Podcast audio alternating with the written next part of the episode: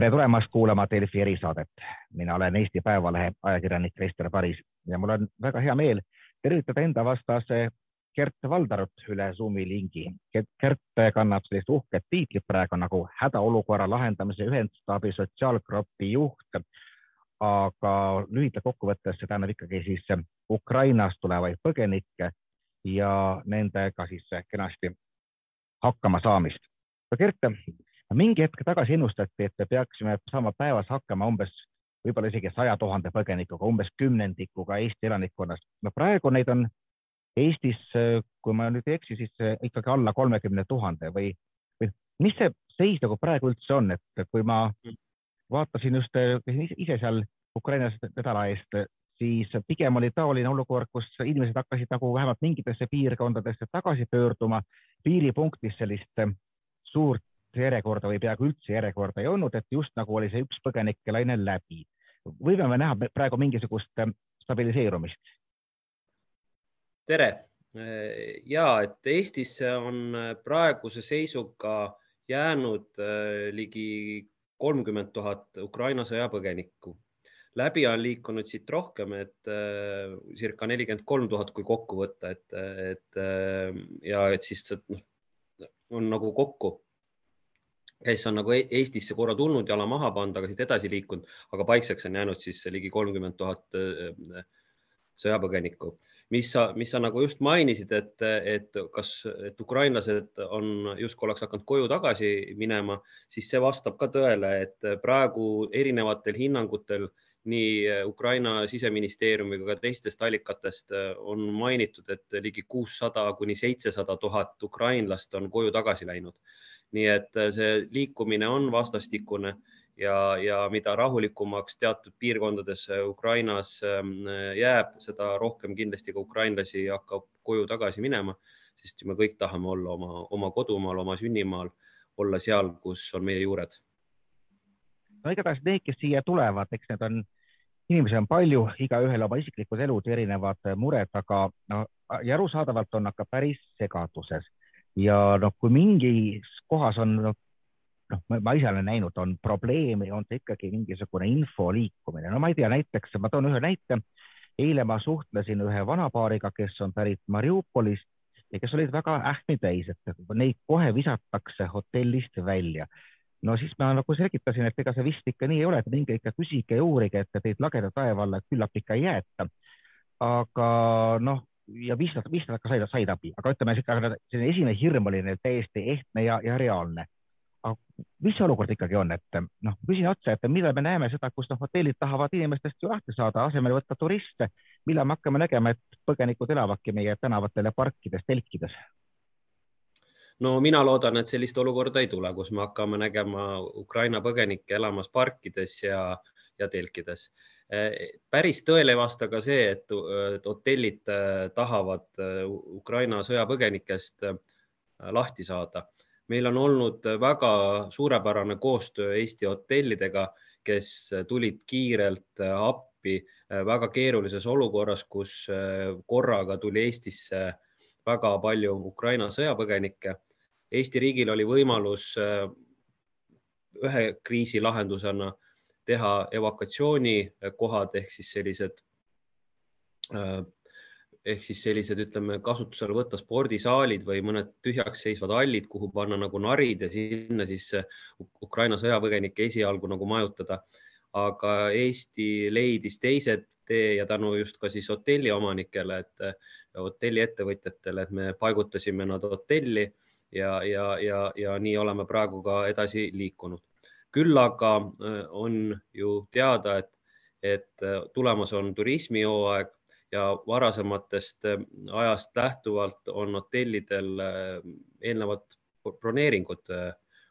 hotellikohtadele, et me, kui nüüd hotellisektorit ka vaadata veidi nagu pikema aja jooksul taga, tagavaates, siis hotellide sektor on elanud ju üle väga keerulise aja, et on siin mitu aastat järjest on olnud Covid hotellid on seisnud tühja, tühjadena ja see iseenesest on mõistetav, et hotellid sellest aastast loodavad äh, sellist head aastat, mis võimaldab siis ikkagi ka nagu ellu jääda ja mitte lõplikult ära surra. sa võid õigesti aru, et praegusel hetkel see mida hotellid pakuvad, noh, ei ole üldjuhul selline abi, vaid ikkagi tema, nad saavad riigi käest selleks siis ka vastavalt, ma ei tea, toa hinnakirjale või kokkuleppele mingit raha. ja, ja hotellid saavad äh, selle eest äh, raha, aga see, see, see hind, hind on erinev, see, see on kõikuv, aga me praegu oleme saanud äh, kindlasti majutada, ütleme selline alla turismihooaja tipu hind, hindade lage, lage või mis võib nagu öelda, et see hotellide, hotellides kuskil keskmine majutuse hind on viiskümmend eurot päev inimese kohta ja selle sees on siis ka kolm korda päevas söök. Aga, aga mis on, et jah, et me püüd-, hotellidel hakkavad praegu nagu ruumid kokku kuivama ühelt poolt, mitte kõikides hotellides, meil osad, me jätkame ikkagi ka hotellidega koostööd, aga et sellisele väga keerulisele olukorrale, kus hotellides toad lõppema hakkasid, äh, tuli leida nagu lahendus ja selleks on meil hea, väga hea meel, et riik pärast selliseid väga konstruktiivseid läbirääkimisi Tallinkiga äh, leidsime võimaluse siis äh, sellise laeva ühise, ühise projekti laeva näol, Isabella, Isabella näol mis on nüüd siis Tallinna sada, reisisadamas kai ääres ja kuhu me saame siis majutada kaks tuhat ükssada äh, sõjapõgenikku. mida see tähendab on..., et mida, mida, mida, mida see tähendab selles mõttes, et no kaks tuhat ükssada võrreldes kolmekümne tuhandega või noh, ligi kolmekümne tuhandega on ju tühine hulk, samas me saame aru, et äh, teps mitte kõik seda ei vaja mm. -hmm. ja et äh, kui me nüüd vaatame üldse, kes vajavad täna riigi tugi äh, majutusel Äh, siis äh, nagu me ütlesime, et ligi kolmkümmend tuhat on Eestisse tulnud, aga lühiajalisel majutusel ehk siis ütleme nagu hotellides või, või, või motellides on täna Eestis äh, kuskil viis tuhat viissada inimest, et enamus ei vaja riigi tuge sellisel, sellise majutuse näol. enamus on leidnud ise, kas juba praegu ka üüriturult korteri, kuhu on asutud elama kas siis ollakse ka oma sugulaste juures või, või, või sõprade juures või on ka, on olnud siis ka nagu selliseid toetavaid inimesi, kes, kes on andnud äh, inimest, Ukraina sõjapõgenike kasutusse korterid. nii et me täna riiklikul majutusel äh, on tõesti su suur vähemus, kui me võrdleme sellega, kes on nagu Eestisse, Eestisse tulnud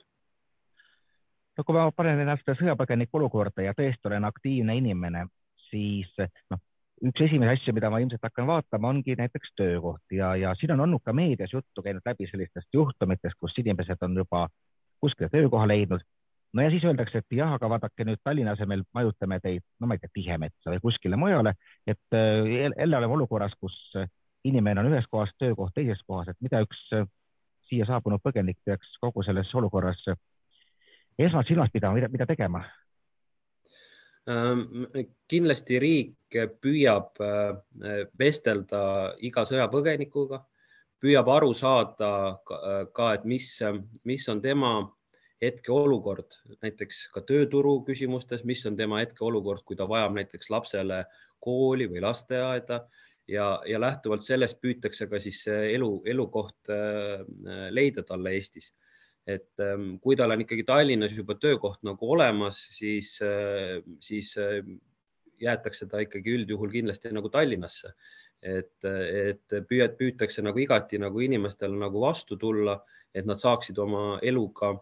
alustada. aga samas tuleb mõista ka seda, et kõik Tallinnasse ära ei mahu ja mina arvan, et on igati põhjendatud see, et me Ukraina sõjapõgenikke püüame majutada üle, üle Eesti. minu, minu jaoks on Eesti ilus maa, kus ei ole olemas selliseid kohti, kuhu siis,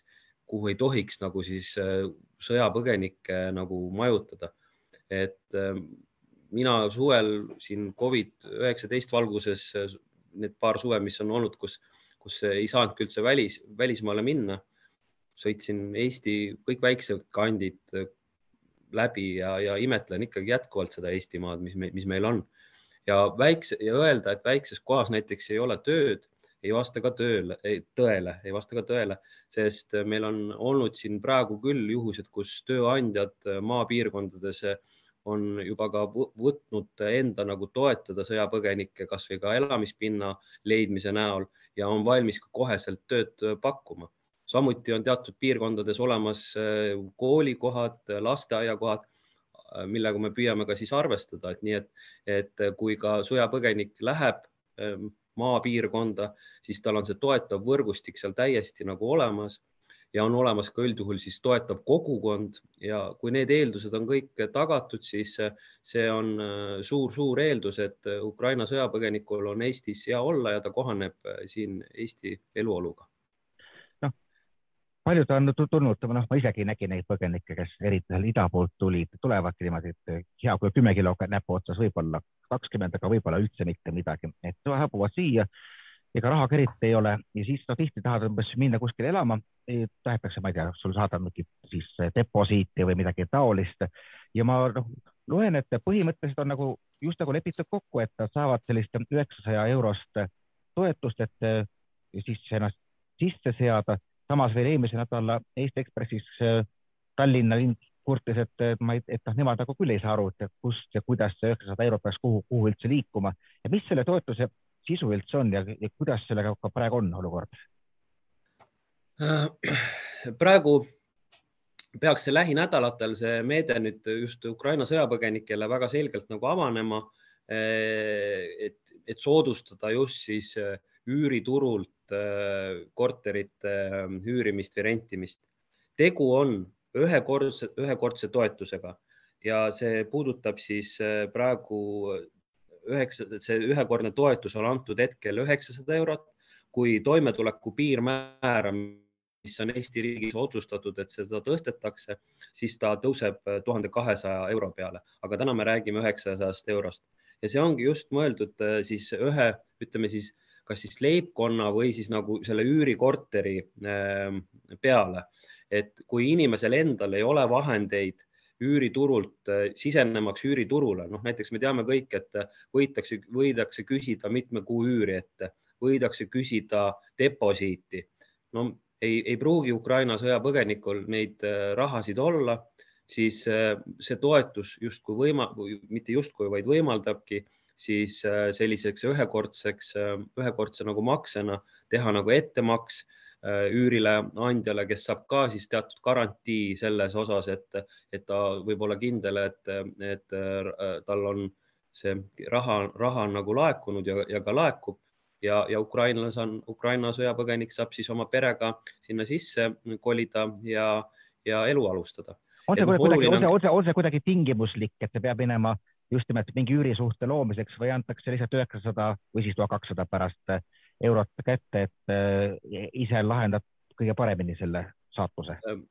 mina olen praegu aru saanud, et, et detailidega Sotsiaalministeeriumis ja Sotsiaalkindlustusametis tegeletakse. lähiajal juba ka käivad konsultatsioonid KOV-idega, et kuidas siis täpsemalt see äh, läbi KOV-i äh, sõjapõgenikule see toetus nagu makstakse, aga seal aluseks peaks olema kindlasti nagu siis see üürileping millega, millega inimene siis tõestab, et, et ta üüriturule siseneb ja, ja noh, hinnatakse ka ikkagi seda, et kas ta nagu vajab seda toetust. et kui on ikkagi võimalik näha, et tegemist on, on inimese, kes otseselt seda või leibkonna, kes otseselt seda nagu ei vaja, siis ei pea ka seda toetust talle andma, sest et oluline on ikkagi ka vahet teha selles, et tõesti, sa tõid näite, kus Ukraina sõjapõgenik tuleb kahe kilekotiga aga, aga ka tegelikult on Ukraina sõjapõgenikke, kes, kes, kes, kellel on küll raske, aga kes ka rahaliselt on paremini kindlustanud, kindlustunud kui mõni teine sõjapõgenik. ta võib-olla ei vajagi seda nagu toetust, et see, see püütakse ka siis kindlasti nagu selgeks teha ja nagu aru, aru saada. Et kas võib nagu sedasama asja kuidagi laiendada, aga vaata, kui me just rääkisime, et noh, ikka inimesed on erinevad, ka kurtmist, et tahaks elada umbes nagu kõik eestlased, et Tallinna kesklinnas, isiklikus majas, vaikses kohas mere ääres, aga, aga see noh, pole tihti võimalik, et, et päris, et mingi hulk ka selliseid noh, kurtmisi võib-olla noh, nii-öelda raskete elutingimuste üle äh, ei ole praegu päris pädevad vot jah, siin ongi, et siis eks aidata ju tuleb vastavalt oma nagu võimetele ja me ei, tegelikult ei tea väga pikalt veel, et kui pikalt Ukraina sõda kestab, et Eesti riik ei saa ka kohe alguses olla nagu ütleme väga-väga-väga-väga üllameelne, et kogu oma selline esialgne abi väga, ütleme siis kohe ära kulutada, et see tähendab, me peame olema, tagama igati inimväärse eluolu Ukraina sõjapõgenikele aga, aga, aga sellise ühelt poolt ka nagu tagasihoidlikuma, mis äh, riigil on äh, võimalik. minu arust ongi nagu hea näide praegu see hotellide nagu me äh, hotellidesse paigutat-, paigutamine, et ta on ühelt poolt riigile kallis, aga teiselt poolt on ju mõistetav, et inimesed, kes põgenevad ähm, lihunikust sõjakurjategija Putini eest Ukrainast, vajavad igati nagu tuge ja abi aga see, see samal ajal tuleb ka nagu püüda nagu mõista Eesti riigi nagu võimeid, et me ei saa väga pikalt võib-olla selliselt äh, tuge nagu pakkuda, vaid me saame pakkuda seda esialgsel perioodil, kui inimesel on kõige nagu raskem, et ta ise jalad alla saaks ja siis suudaks ka ise kaasa lüüa, et tema elu rohkem kaasa lüüa veel, et tema elu nagu paremaks läheb et seda nagu selle ootusega me peame ka tegelikult tegema ja nagu rääkima, et, et järgmised sammud, mis hotellid, hotellidest nagu välja, et need ei pruugi võib-olla olla need kõige enam nii nagu ütleme, nii nagu uhked, et on veidi nagu tagasihoidlikumad. et kui me nagu kasutasin siin nagu võrdlust, et teiste riikide puhul väga tihti, kui on kui on äh, suur sisseränne korraga, siis inimesed äh, paigutataksegi spordihallidesse või tühjadesse seisvatesse hallidesse ja sealt edasi liigutatakse siis äh, järgmistesse pindadesse. Ja võib-olla seal ei ole seda ootus järgmise sammu osas, kuhu ta nagu elama saadetakse, nii suur kui ta nagu praegu võiks justkui olla, et mõelda, et alguses pannakse hotelli, oi, et milline siis see järgmine nagu elamise tase on, et, et siin on ka nagu selles mõttes ootuste juhtimisega nagu peame kindlasti nagu rääkima ja olla, olema nagu ausad ja avatud, ütlema, millised on Eesti riigi võime, võimekus aidata, aga aidata kindlasti tuleb, sest äh, Ukraina sõjapõgenike puhul ma tahaksin nagu öelda, öelda ühte, et, et kui ka praegu on, ka Eesti riigil võib-olla läheb nagu raskeks aitamine siis rahaliselt näiteks, et siis kindlasti tuleb aidata, et, et Juhan Liiv on ju öelnud seda, et kergem on kanda kaljusid kui südametunnistust halba, siis ma täna tsiteeri-, parafraseeriksin seda selliselt, et, et kergem on kanda sõjapõgenikke kui südametunnistust, südametunnistust halba. see, et kui me täna ei aita, siis ma arvan, et see meil endal on tulevikus sihuke südametunnistus on nagu halb ja sellega ei ole nagu hea elada no kui me räägime Eesti riigi toimetulekust, siis noh, seda iseloomustab ka hiljutine arutelu teemal, et kas inimesed, kes saavad kolm korda päevas süüa, kas nad peaksid saama ka toimetulekutoetust, et siin on noh, ma sain aru, et nii-öelda ministeerium on andnud omavalitsustele loaga seda, ka seda mitte maksta, ehkki see tõesti pole võib-olla seaduses nii täpselt üldse kirja pannud, et no, me just rääkisime ka, et, et on nagu väga erineva tasemega neid sõjapõgenikke, aga kui me nagu ühte sellist, noh, ma ei oska öelda, kas saab panna Harju keskmist, Kiievi keskmist eh, perekonda, kes on saabunud, kirjeldaksid, et mis elu nad üldse elavad, ikkagi elavadki sellest noh mm, mõnest kümnest, võib-olla üle, üle sajast eurost, mida siis eh, riik praegu vastavalt toimetuleku eh, korra, toimetuleku tagamise korrale maksab? No ma ma ei oska keskmist, ma ei oska niimoodi keskmist nagu välja tuua, et, et ega inimeste puhul ongi minu arust see üks väga keeruline on see kesk, öelda, milline on see keskmine nagu inimene. kindlasti on Ukraina sõjapõgenike puhul inimesi, kes vajavad tuge, kes vajavad abi ja vajavad rohkem kui, kui, kui ka teised ja noh, meie peame nagu püüdma nagu sellest lähtuvalt ka nagu toimetada, et suuta nagu märgata neid inimesi, kes vajavad suuremat tuge, aga see ei pea olema ainult rahaline, see on samamoodi vaimne tugi. Äh, äh, see võib olla meditsiiniline tugi, see võib olla kas siis see, et äh, töökoha leidmisel tugi, lapsele kooli leidmisel tugi või lasteaia leidmisel tugi. samamoodi ka see, et ta siia ühiskonda mm, noh, kohaneks siia ühiskonda, et sellega on meile Sotsiaalkindlustusametid ja ka teised väga, teised ametkonnad väga tegelevad, et me püüame minna sellisele individuaalsele tasandile, vestelda sõjapõgenikega ja püüda nagu aru saada, millist tugi ta kõige rohkem äh, vajab. et ma arvan, et see ongi nagu võti igale sõjapõgenikule äh, läheneda personaalselt ja mitte võtta suunaks, et see, milline võiks olla keskmine. mis praegu üldse on sellised veel noh, bürokraatlikud pudelikaelad, et eks me oleme lugenud ja, ja mõistame ka täiesti, et näiteks on raskusi, et saada ajutise kaitse paberi puhtalt sellepärast, et on pikad järjekorrad või et mis, mis on nagu see, mis noh, mis peaks toimima, aga, aga, aga ei toimi ähm,?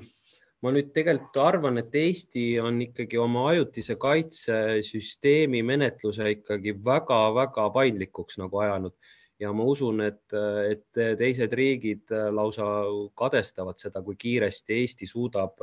ajutise kaitse anda oma inimestele, et eh, ehk siis meie oma nagu sõjapõgenikele, et meil on ju tänaseks antud ajutist kaitset ligi, mis ta võib olla, ligi seal juba üle seitsmeteist tuhande või ligi kakskümmend tuhat kuskil inimest. Et kui me räägime, et Eestisse on tulnud kakskümmend kaheksa tuhat inimest, siis on ikkagi väga suur osakaal äh, on äh, ajutise kaitse saanud ja kõik ei olegi esitanud muideks, et see on ka nagu oluline nüanss, et kõik, kes, kes on äh, tulnud Eestisse, et nad ei olegi veel üldse võib-olla oma taotlust sisse andnudki, sest nad loodavad, et nad saavad tagasi minna. aga kui, kui öelda, et, et täna on nii suur hulk nii kiiresti läbi, noh, läbi menetletud, siis see on ikkagi, ma arvan, et väga selline asi, mis olla teistele riikidele ka nagu eeskujuks et meil on ju niimoodi, et kui inimene saab oma nagu aja äh, broneerida ja ta kohale tuleb, et see tehakse ju sellel samal päeval põhimõtteliselt ära talle. et, et ma arvan, et siin on pigem meil nagu uhkust tunda noh, kohad, kuhu inimesed satuvad ja kohalikud omavalitsused, kuhu nad satuvad, on, on väga erinevad. noh, ma ise näiteks jälgin äh, arutelusid Otepää grupis, kus on pigem eesus nagu, nagu ütles kunagi Merkel, et wir schaffen das, me saame hakkama. Narvas näiteks Katri Raik ütleb, on korduvalt välja öelnud, et ega meil polnud siin ju ennegi tegelikult töökohti. noh, valitsus oma poolt on just nagu öelnud, et kõik kulud, mis tekivad, neid kompenseeritakse. omavalitsused miskipärast on äh, väljendanud ikkagi ka, ka meedias skepsist, et kui, kui kindel saab üks omavalitsus olla praegu, et kui ta teeb ukrainlastele kulutusi, noh, ta, ta, ta võibki neid teha ja ta saab tagasi selle raha. jah, ähm, samamoodi mina saan aru, et riik mitte, mitte ei saa aru, vaid on riigil välja töötatud äh, kohaliku omavalitsuse jaoks eraldi rahalised toetusmeetmed, kus kohalikul omavalitsusel on võimalik siis juba praegu tehtud, äh, ütleme siis kulude katteks taodelda raha riigilt ja see on plaanis ka tulevikus jätkata sellise toetuse andmist. mis ma tahaksin nagu rõhutada et ka mina loen äh, vahest äh, selliseid seisukohti, et kus öeldakse, et näiteks kohaliku omavalitsuse tasandilt, et, et riik äh, justkui ei tee piisavalt. minu jaoks on siin kriisis riik ei tee piisavalt, niisugune väike nagu dissonants, et riik minu meelest ongi see, on riigisektor, on, on, on erasektor, on kohaliku omavalitsuse sektor, kui nii võib öelda, ja kodanikuühiskond, et see ongi kõik see riik, kes ühiselt peab äh, pingutama ja, ja, ja toimetama. et ma ise väga küll loodan, et, et me see koostöö äh, nii, nii, nii riigisektori, kohaliku omavalitsuse vahel kui ka era- kui ka kodanikuühiskonna vahel läheb nagu aeg-ajalt aina nagu paremaks, et võib-olla on see mõistetav, et me oleme praegu kriisis, me oleme hirmsasti pidanud alguses tormama ja, ja, ja ka siin improviseeritult võib-olla mingeid otsuseid vastu võtma, aga see läheb kindlasti nagu aeg-ajalt paremaks ja ma usun, et see ka koostöö äh, kõikide, kõikide, ütleme siis erinevate sektorite vahel läheb paremaks. ta peab minema paremaks, kui me tahame selle kriisiga äh, toime tulla. ja, ja siis ma arvan, on võimalik ka, kui ka õnnestuda, kui me kõik koos ühiselt pingutame siin nii, võtame veel ühe, ühe kategooria ehk siis lapsed, noh, eile oli just Aktuaalses Kaameras nupp, kuidas Lilleküla gümnaasiumis avati omaette ukrainlaste klass, aga noh, eks neid lapsi on ju üle Eesti ikkagi märgatavalt rohkem. Ma just lugesin, kuidas Poolas näiteks jätkavad päris paljud lapsed muide distantsõppega ehk siis nende Ukrainast jäänud õpetajad õpetavad neid, et neid variante on päris palju, et mis nagu sellised no ikkagi lühiperspektiivis head ja toimivad lahendused üldse saaksid olla? ja et üks on kindlasti, on, on see, et me oma haridussüsteemis suudame pakkuda Ukraina õppijatele piisavalt õppekohti, et nad saaksid nagu tulla aga ka mina olen ise nagu näinud, ma olen käinud nendes hotellides äh, kohal, kus, äh, kus meil äh, on Ukraina lapsed, siis tegelikult väga-väga mitmed neist on oma läbi nutiseadmete ühenduses oma Ukraina riigiga, kus ka korraldatakse seda kaugõppe vormis õppimise võimalust. et no näiteks ühelt poolt miks mul on näiteks, kui seda rääkida sellest laeva, laeva paigutamisest, siis äh, ühelt poolt veidi oligi natuke nagu valus oli vaadata, kuidas lapsed kuskil hotellide vojees, vojeedes püüavad siis õppetööga osaleda, sest noh, hotellides ei olnud nagu häid äh, ruume, kus on. Laeval näiteks esimese asjana, mis me, mis me, mis meie meeskond koos kas siis nagu Tallinka tiimiga tegi, tegi sellise eraldi õppeklassi sinna, kus on väga hea privaatne minna äh, seal õppeklassis osaleda koolitundides, kui selle vastu nagu huvi on aga noh, tõenäolisus on jällegi see, et inimesed loodavad kindlasti ikkagi oma kodu tagasi minna ja täna nad osalevad seal äh, kaugõppel siis ähm, läbi nutiseadmete. aga kui see kriis äh, kestma jääb, siis me kindlasti peame olema nagu sügisest valmis ikkagi oma haridussüsteemis inimesi, inimesi toetama, kes, kes on nagu hädas, et, et noh, meil on kindlasti, püüame äkki siis peaks püüdma nagu kasutada ära ka, ka meie Ukraina sõjapõgenike seas olevaid õpetajate potentsiaali, kes, kes siin on, et nad oma nagu lastele siis saaksid äh, haridust anda. ja no ma usun, et kindlasti võiks seda ikkagi ka eesti keele komponent sealjuures olla, et kui inimesed, inimesed äh, tahavad pärast jääda pikemaajaliselt Eestisse, siis neil on lihtsam, lihtsam hakkama saada. no aga lastevanemad, me oleme korduvalt siin tänase vestluse jooksul puudutanud sõna töökoht ja no ja siis ongi sellised nagu kahetised tunded, et tahaks olla Eestis võib-olla võimalikult vähe, tagasi koju minna, teisest küljest reaalsus võib olla midagi hoopis teist, et on, kuidas sulle endale tundub, et kui tähtis on praegu see, et nad võimalikult kiiresti ikkagi kuskile tööle saaksid need inimesed? ma, ma arvan, esimene samm on see, et püüda pakkuda neile nagu toetust, et nad vaimselt saaksid nii tugevaks, et, ka võõras keskkonnas kohaneda, et ma arvan, et seda on suutnud Eesti riik äh, pakkuda. Äh, jah, ja järgmine samm kindlasti kohe ka tööturule, mida kiiremini on võimalik inimesel tööturule siseneda, seda, seda kergem on tal ka siis äh, ühelt poolt tagada endale piisav heaolu siin elamiseks ja, ja, ja see võimaldab ka siis ähm, sellist äh, ka lastele, kellega ta siin on, äh, kes tema lapsed on, sellist paremat ja lihtsamat elu, et loomulikult ja, töökoht, töökoht ja, on väga-väga oluline. ja küsimus on ju ka väärikuses. ka väärikuses, just. aga võtan juttu kokku, sa oled ka olnud ju rändeekspert, tead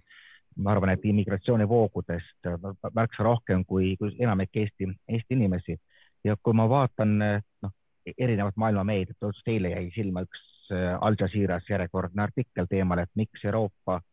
suhtub äh, Ukraina põgenikesse no niivõrd hästi, et tõesti võib nimetada Euroopa parimaks näoks. Ja, ja kõikide varasemate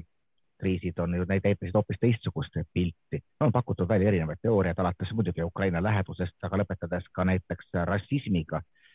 ja mida, mida sa ütleksid kellelegi, kes tuleb, ütleb, et no näete, et ukrainlased saavad nüüd kõik, aga, aga meie omi noh, piltlikult Horva, Hor Horvaatia piiril peksti no ma arvan, et võib-olla on hea võrdlus kasutada selle eelmise rändekriisiga, kus, kus Süürias Süü,, Süürias toimus äh, sõda ja, ja Süüriast siis äh, ka väga miljonid inimesed äh, põgenesid. aga oluline on siin silmas pidada, et samaaegselt tegelikult toimus ka väljaränne Aafrikast ehk siis segunesid kaks rännet, sõjapõgenikud ja, ja siis ütleme siis ühelt poolt siis võiks öelda inimesed, kus, kus tuleb alles selgeks teha, et kas nad on hädas või nad on sellised mugavuspagulased. ja ma arvan, et seal võis mängida sellel ajaperioodil hoopis sellist asja rolli, et inimesed ei olnud veendunud, kas need inimesed, kes tulid Euroopasse, kas nad ka päriselt abi vajasid, sest et need ütleme siis seal ikkagi väga palju oli neid inimesi, kes need sellistest riikidest selle, selle rändevoo sees, kes tegelikult abi ei vajanud, kes koheselt öeldi, et teie varjupaika ei saa ja me saadame teid siis mõnda Aafrika riiki tagasi. Ja vot see võib-olla nagu peegeldus ka nagu laiemale pinnale, et, et inimestel ühiskondades ei olnud nagu veendumust, et kõik justkui vajaksid seal nagu abi ja selle tõttu kannatasid ka süürlased täna on olukord hoopis teistsugune. täna saadakse aru üheselt, need, kes Ukrainast tulevad, need põgenevad, põgenevad sõjakurjategija Putini eest ja nende pommide eest, nad põgenevad genotsiidi eest. Ja, ja see aitab ka nagu siis ühiskondasid äh, paremini nagu koos, koos hoida selles osas, et, et, et toetada, et ei ole sellist polariseerumist ühiskonnas, kus ühed ütlevad, et tuleks toetada ja, ja teised ütlevad, et ei peaks toetama. täna me näeme ju sellist äh, ühtmeelt, jah, Ukraina sõjapõgenikke tuleb toetada, see on meie kohus. kui suur mure on see, et äh, noh, nad ikkagi konkureerivad mõned e-, eestlastega eriti madalapalgalisematele töökohtadele praegu? No kui tööturu olukorda vaadata, siis Eestis on ikkagi töökäte puudus ja, ja minu meelest kõige nagu halvem asi, mis saab nagu olla see, et näiteks kui meil tuleb praegu siin äh, suvehooaeg, kus on vaja